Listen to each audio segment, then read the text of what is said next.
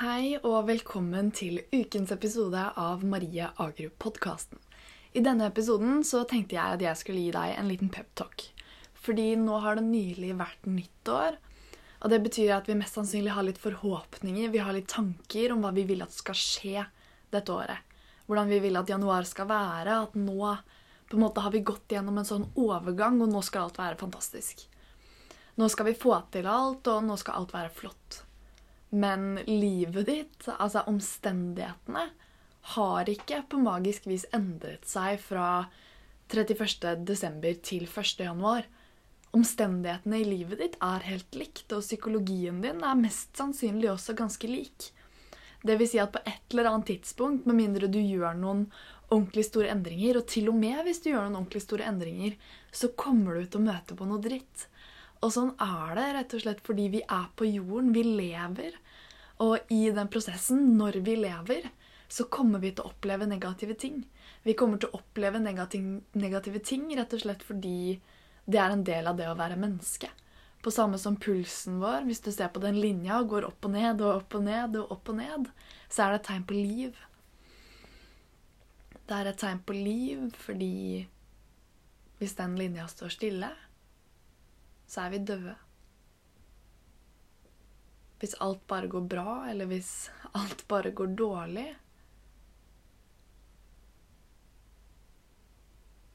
så betyr det bare at vi ikke har ventet lenge nok, eller at vi ikke har gjort nok endringer.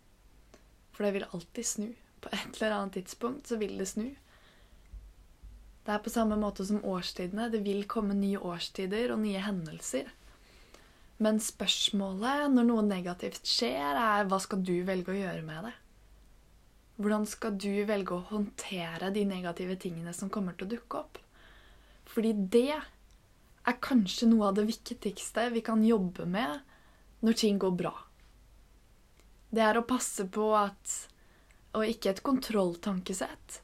Vi skal ikke passe på så mye at vi skal gå rundt og beskytte oss selv, men vi skal passe på så mye at vi trener. Vi husker å trene psykologien vår, sånn at når vi havner i situasjonen, da kan vi klare å takle det. Det vi ofte gjør feil, derimot, er at vi Enten så tenker vi ikke på det i det hele tatt. Enten når ting går bra, så bare nyter vi at det går bra, og så tenker vi ikke på det i det hele tatt. Eller så er vi ofte i en tilstand i livet hvor vi overtenker alt. Hvor vi ønsker å kontrollere og forberede oss på alt. Men den forberedningen, den tenkingen og den preparation man gjør i hodet. Som f.eks. når man sitter i dusjen og tenker på den samtalen som du kanskje skal ha om ikke så lenge, og planlegger hva du skal si, og prøver å få alt helt perfekt. Gjør det egentlig at du blir noe bedre forberedt i situasjonen? Eller ville du blitt bedre forberedt når du var i lignende situasjoner, eller når du var i, med folk du var komfortabel med, da, positive situasjoner, om du da øvde på samtaleteknikk, om du da øvde på hvordan du skal snakke, hvordan du skal formulere deg i en aktiv situasjon, hva ville du lært mest av? Å tenke på det, eller å faktisk gjøre det? Og det Det er det jeg snakker om nå.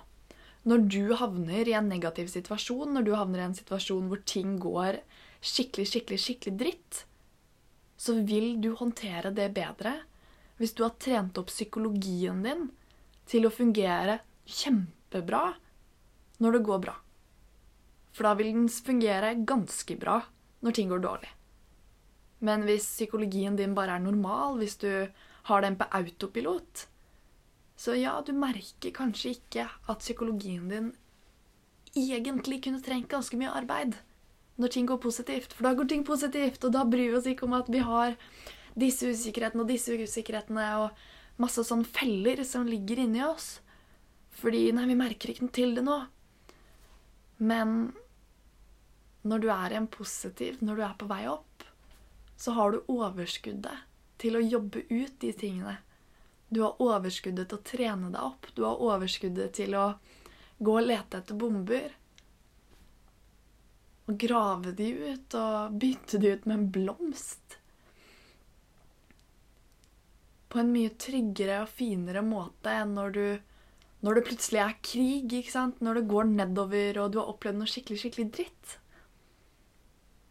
Tenk så deilig, da, hvis du havner i en negativ situasjon, og du merker at du vet hva du skal gjøre. Du merker at selv om du ikke så det komme, selv om du ikke har forutsett og prøvd å kontrollere alt, så merker du at fordi du har jobba på det, fordi du har jobba på psykologien din, du har jobba på å lære, så merker du at det går litt enklere.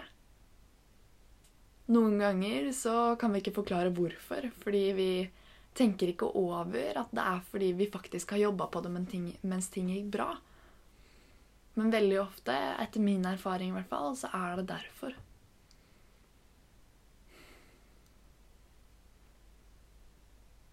Og jeg vil at du skal tenke litt på det. Og jeg vil at du skal stoppe opp nå og se om du skjønner hva jeg egentlig mener. Jeg kan gi enda et eksempel, og det er at hvis du er i gymmen, ikke sant Du er i gymmen når ting er positivt, på en måte. Altså fysisk positivt. Jeg vet ikke hva som skjer i hodet ditt, men kroppen din Kroppen din har det bra. Kroppen din har muligheten til å gå inn og trene. Kroppen din har muligheten til å løfte vekter og pumpe jern og jogge og løpe og alle disse tingene. Og du trener selv når du ikke egentlig har behov for disse musklene.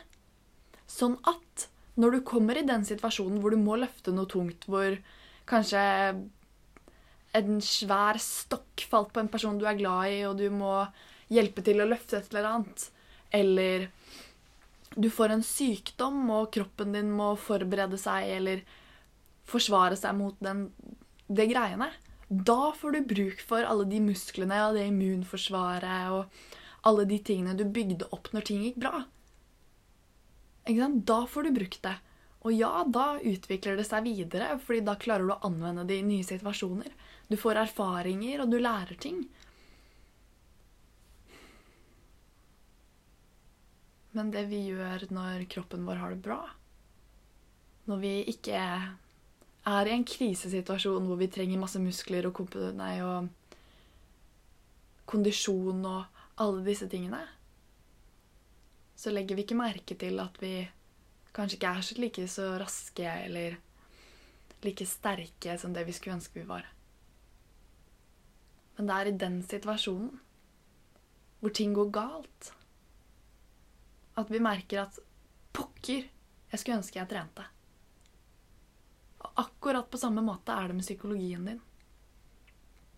Akkurat på samme måte er det når kjæresten din slår opp, eller når du mister jobben, eller når renta øker, eller et familiemedlem dør, og vi ikke var forberedt. Det er da Det er da vi merker at vi skulle ønske vi tok det steget tidligere. For da hadde vi kanskje hatt det litt bedre nå. Da hadde vi kanskje klart å være der for de rundt oss i denne vanskelige situasjonen på en helt annen måte. Da hadde vi kanskje klart å gjøre det beste ut av det. Kanskje vi ikke ville endt opp i det mørke hullet som vi alltid har pleid. Kanskje ting endelig, for en gangs skyld, kunne gått litt bedre. Og det er derfor vi jobber, det er derfor vi fokuserer på psykologien vår og på Jeg er ikke så glad i det ordet 'forberede', fordi Eller jo, forberede, forutse, Ja, jeg er litt delvis glad i det, fordi jeg føler at når jeg sier 'forberede', så er det veldig lett å tenke på den situasjonen som jeg beskrev i starten. Når man sitter og tenker på alle scenarioer som kan dukke opp, og hvordan vi best kan håndtere de, osv., osv., osv. Men det jeg mener når jeg sier 'forberede', er rett og slett bare generelt trene oss opp til ting. Sånn at uansett hvilken situasjon som dukker opp, så trenger vi ikke stresse over det. Vi trenger ikke føle at vi må forberede oss, fordi vi er forberedt i kroppen fordi vi har trent oss opp til det. Vi er forberedt i hjernen, i hodet, i psykologien vår, i sjela. Fordi vi har fokusert på det. Og det er en så stor ressurs, det er en så viktig ressurs, og det er en ting som jeg virkelig vil at du skal høre, og jeg vil at du skal ta det med deg videre. Og det her, det var den første delen av peptalken min. Det var den første delen, som at hvis du nå er i en drittsituasjon, du står i noe som du kanskje ikke har lyst til å stå i, så vet du at neste gang Med en gang ting går bedre, så skal du ikke stoppe å trene til neste gang. Ja, du trener når du er nede, men vi stopper ikke å trene når vi kommer oss opp igjen. Vi kan bare trene på en litt koseligere måte uten alt det presset rundt oss. Og hvis du er i en bra situasjon akkurat nå, hvis livet ditt er på en oppovervei, så vet du hva jeg kommer til å si. Du vet at jeg kommer til å be deg fokusere på å trene på ting. Å trene, det kan være alt fra å bruke fem minutter på dagen, fem minutter om dagen hver dag på å lese to sider i en selvutviklingsbok. Det kan være å lytte til et par minutter av en podkast. Gjerne den her. Og det trenger ikke nødvendigvis være mye. Men det trenger å være consistent. Det trenger å være en prioritet. Priori, prior, prioritet? Ja. Det trenger å være en prioritet hele tiden. Ikke bare når ting går bra, og ikke bare når ting går dårlig. For det er sånn vi utvikler oss. Og det vil jeg at du skal ta med deg videre. Den andre delen av peptalken min handler om Og det er egentlig relevant hele tiden. Det er i hvert fall relevant når du står i noe du føler er dritt. Men det er også relevant å ta med seg videre. Generelt i livet og uansett. Og det handler om hva er egentlig en oppoverbakke, og hva er egentlig en nedoverbakke? Fordi noen ganger Noen ganger så har vi det dritt uten at vi egentlig trenger å ha det dritt. Noen ganger så går vi rundt og føler på masse følelser fordi og dette skjedde, og dette skjedde, og så klart jeg sliter fordi Altså, jeg mista jobben, og nå har jeg ikke noe penger, og Altså, det kunne ikke skjedd på et verre tidspunkt, og så klart, nå må jeg legge meg i senga og grine og være deppa og Altså, alle sånne type ting. Men spørsmålet mitt er Var det egentlig negativt? Eller føler du bare at det var negativt fordi du har en vane. Du har en kobling som sier at det er negativt. Tenk litt på det. Tenk litt på det akkurat nå. Fordi du har valget. Du har valget når noe skjer. Så kan du stoppe opp. Så kan du tenke Oi, hva betyr dette egentlig for meg? Hva er egentlig betydningen av at dette skjedde nå? OK, du mista jobben. Hva betyr det? Det betyr at A. Akkurat nå har du kanskje ikke noen inntektskilde. B. Du har mange nye muligheter. C. Du har ekstremt mye fritid. Og det Det kan være så positivt. Det. Kanskje du har et prosjekt som du alltid har villet begynne med, som du aldri har prioritert, men nå har du tid.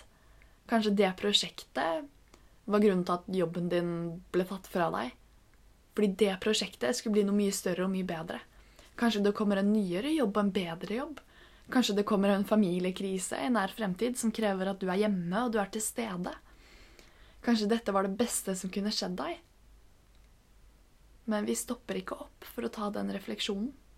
Det vi gjør av vane når noe negativt skjer, er at vi Det skjer, og så reagerer vi. Vi reagerer sånn. Uten at vi tenker over det.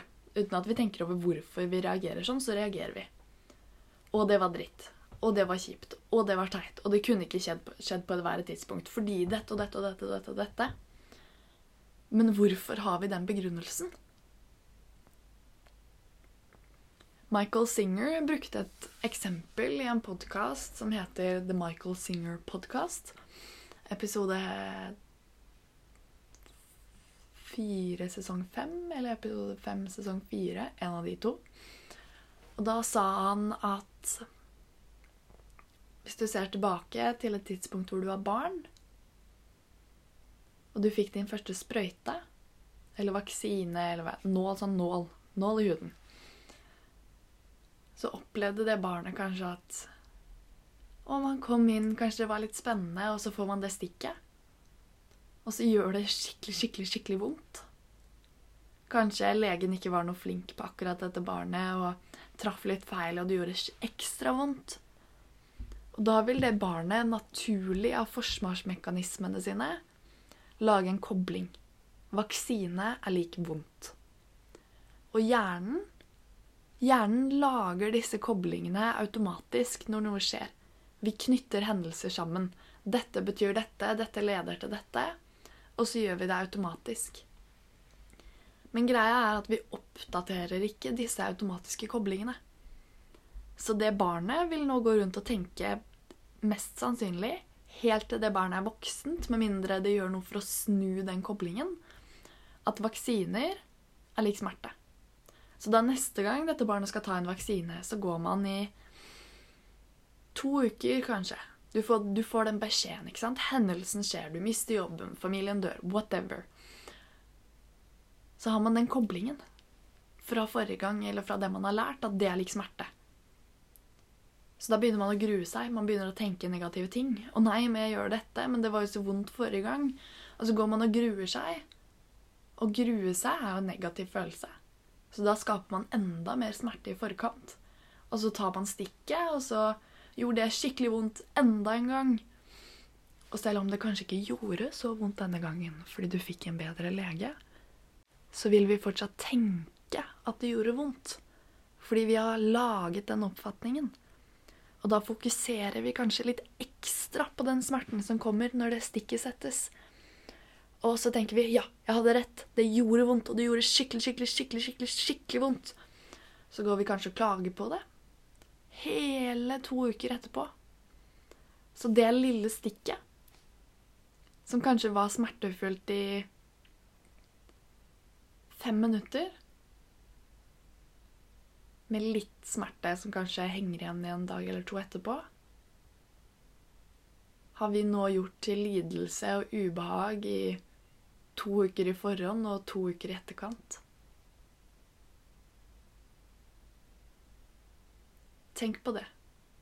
Tenk på hvor fort og automatisk vi kan lage sånne koblinger uten egentlig noen ordentlig gode grunner. Uten egentlig at det var bevisst. Men tenk så stor rolle, tenk så stor innflytelse de automatiske koblingene du har i hjernen din, har for livet ditt. Tenk så mange nedover veier som egentlig kunne vært oppover veier.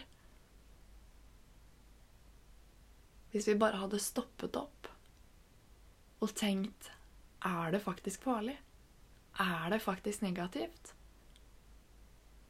Eller er det bare den veien jeg tok ved et uhell forrige gang?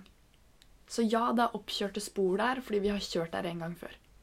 Vi kjørte nedoverbakken en gang før, og da tenker vi at det er den veien vi skal nå også. Men hva om vi stopper ved det veikrysset? Vi stopper opp, og vi ser ikke på sporene, vi ser ikke hvor det er oppkjørt. Men vi ser hvor er det vi vil.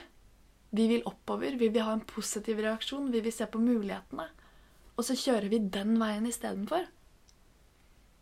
Tenk hvis du klarer å trene deg opp i de små tingene i hverdagen til å snu på de koblingene.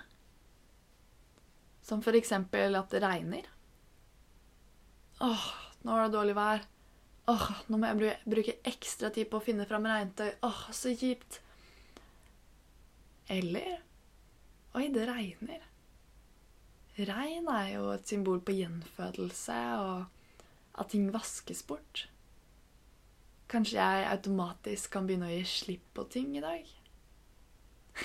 Oi, det regner. Kanskje jeg skal hoppe gjennom en vannpytt?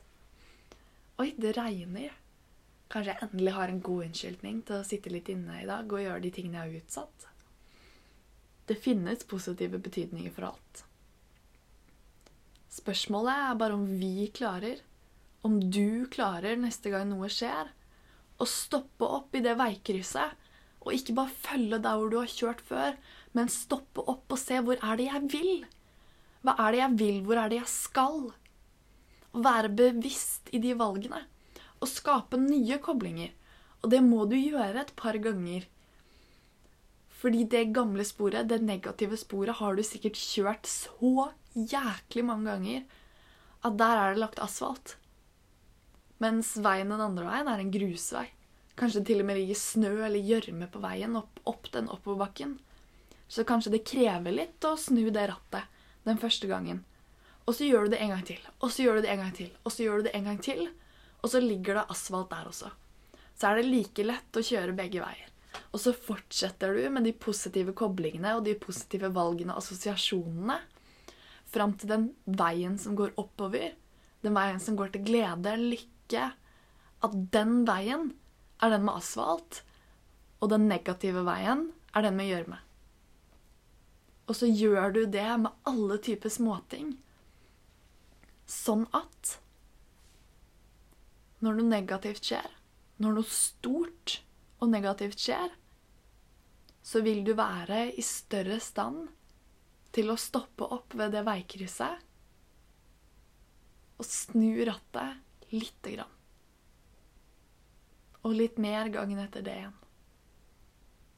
Og bare tenk hvor stor innvirkning det kan ha på livet om alle de fire ukene blant alle gangene vi skal ta vaksiner, alle gangene småting skjer, reduseres til de fem minuttene der det faktisk var litt ille.